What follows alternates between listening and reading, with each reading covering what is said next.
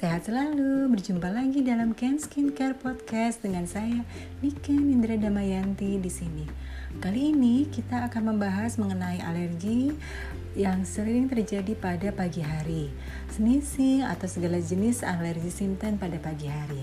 Sebelumnya, seperti biasa saya akan memberikan warning berupa medical disclaimer. Podcast ini bertujuan untuk edukasi, bukan pengganti saran para ahli profesional kesehatan.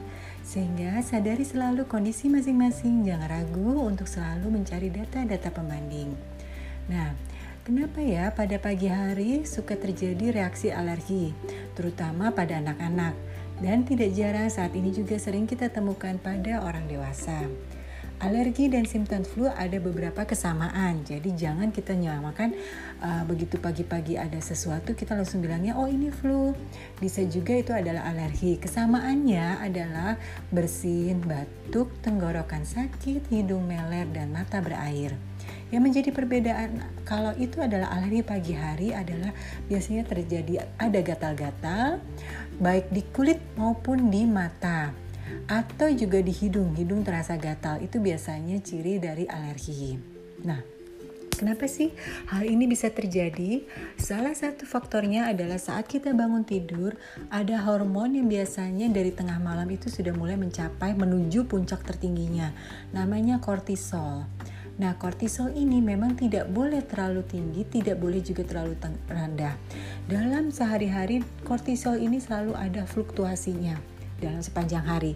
Cuman umumnya pada pagi hari saat kita bangun itu akan tinggi. Lalu nanti dengan uh, dengan ritme tubuh kita sehari-hari dengan kesibukan kita hari-hari itu akan turun. Ini disebut dengan ritme diurnal. Jadi kalau orang yang bekerja di malam hari pola ini akan terbalik. Jadi bukan berarti uh, pagi hari untuk orang yang kerja pada malam hari bagaimana? Enggak, itu akan terbalik ya. Jadi dia akan mengikuti gaya hidup dan aktivitas kita sehari-hari. Nah, Kortisol itu apa sih? Dia adalah diproduksi oleh kelenjar adrenal, yaitu dia merupakan kunci dari segala um, apa ya alergi-alergi tubuh kita. Jadi sebetulnya kortisol itu mengontrol kadar histamin tubuh sehingga jika dia kurang optimal itu akan terjadi seperti uh, alergi akan muncul-muncul. Nah itu biasanya karena kortisolnya drop ya. Nah kortisol ini sangat berhubungan dengan mood jadi kalau kita misalnya siang-siang tiba-tiba merasa aduh gatal dan segala macam itu biasanya mood kita terkena. Nah, ini sangat sulit ya sebetulnya kita membangun mood kita apalagi kalau bangun tidur gimana dong ya mengatur moodnya supaya kortisol tetap dalam posisi yang baik sehingga tidak terjadi sneezing, bersin, alergi dan segala macam.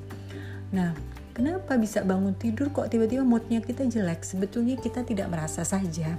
Karena gini, kalau malam hari pada saat kita tidur terjadi detoks tubuh di mana uh, startnya biasanya mulai dari jam 10 jadi pada saat malam hari tubuh akan mulai uh, melakukan detox. Nah, jika tubuh terlalu berat melakukan detoksnya akan mempengaruhi proses kortisol.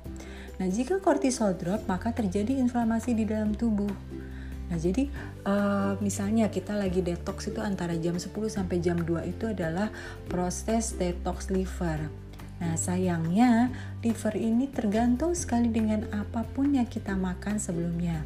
Jadi, beberapa hari sebelumnya atau makan sehari sebelumnya, jika kita makan yang tidak ramah liver seperti misalnya gula dan simple karbo, maka itu akan membuat detox bekerja sangat keras uh, liver bekerja sangat keras untuk mendetoks tubuh kita. Begitu juga dengan organ-organ tubuh lainnya. Jika kita mengkonsumsi makanan yang tidak ramah terhadap organ tubuh kita, mau nggak mau tubuh kita akan bekerja keras melakukan detox, sehingga akan terjadi inflamasi. Nah inilah yang membuat asupan uh, kortisol kita akan drop. Nah jadi um, proses ini tuh bukan proses ujuk-ujuk ya ujuk-ujuk tiap pagi bersih dan segala macam. Ini adalah proses yang sebenarnya sudah menumpuk dari tahun ke tahun mengenai gimana makan kita. Nah pada anak-anak yang alergi pertanyaannya sudahkah makannya diatur?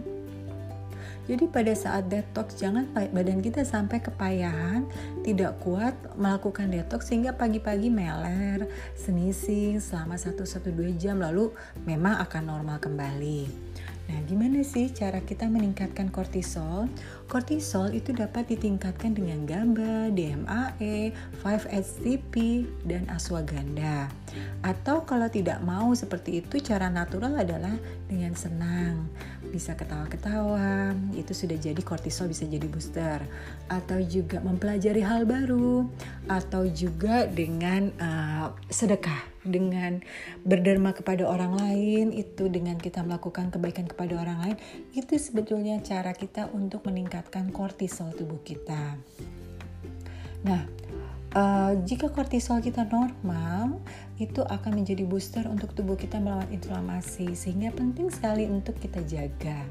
Nah, untuk anak-anak karena tubuhnya belum mature, jadi kadang-kala walaupun kita beri vitamin tapi belum dapat eh, terserap secara sempurna.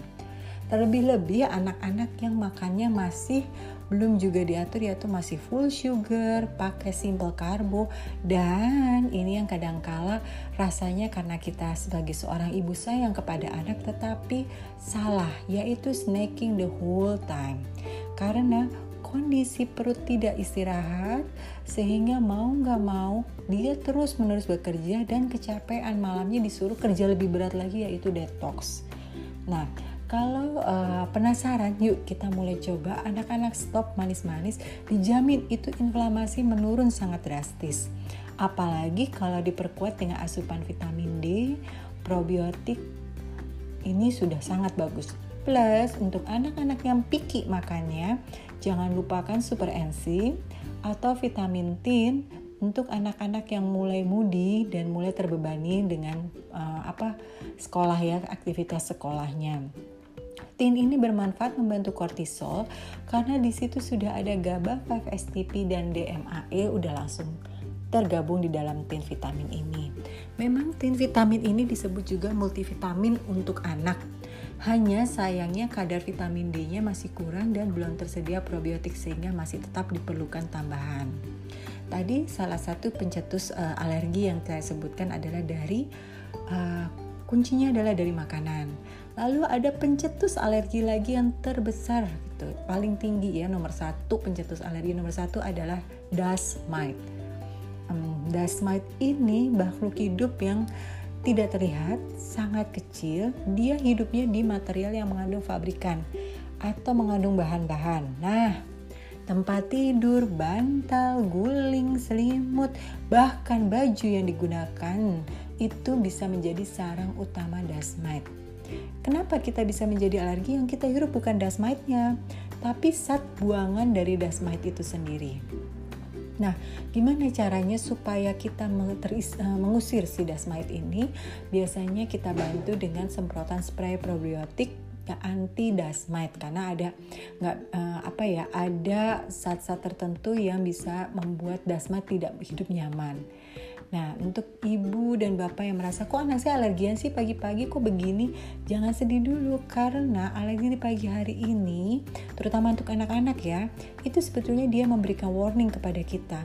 Pak, Bu, ini ruangannya ada dasmite. Pak, Bu, ini kemarin saya makannya nggak benar.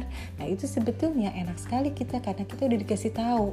Oh, dia terjadi mendapat inflamasi ini tubuhnya. Jadi otak dia mau nggak mau sebetulnya in the future itu terlindungi dari inflamasi lanjutan karena kita sudah diberi warning. Nah, tinggal kitanya aja menyikapinya bagaimana.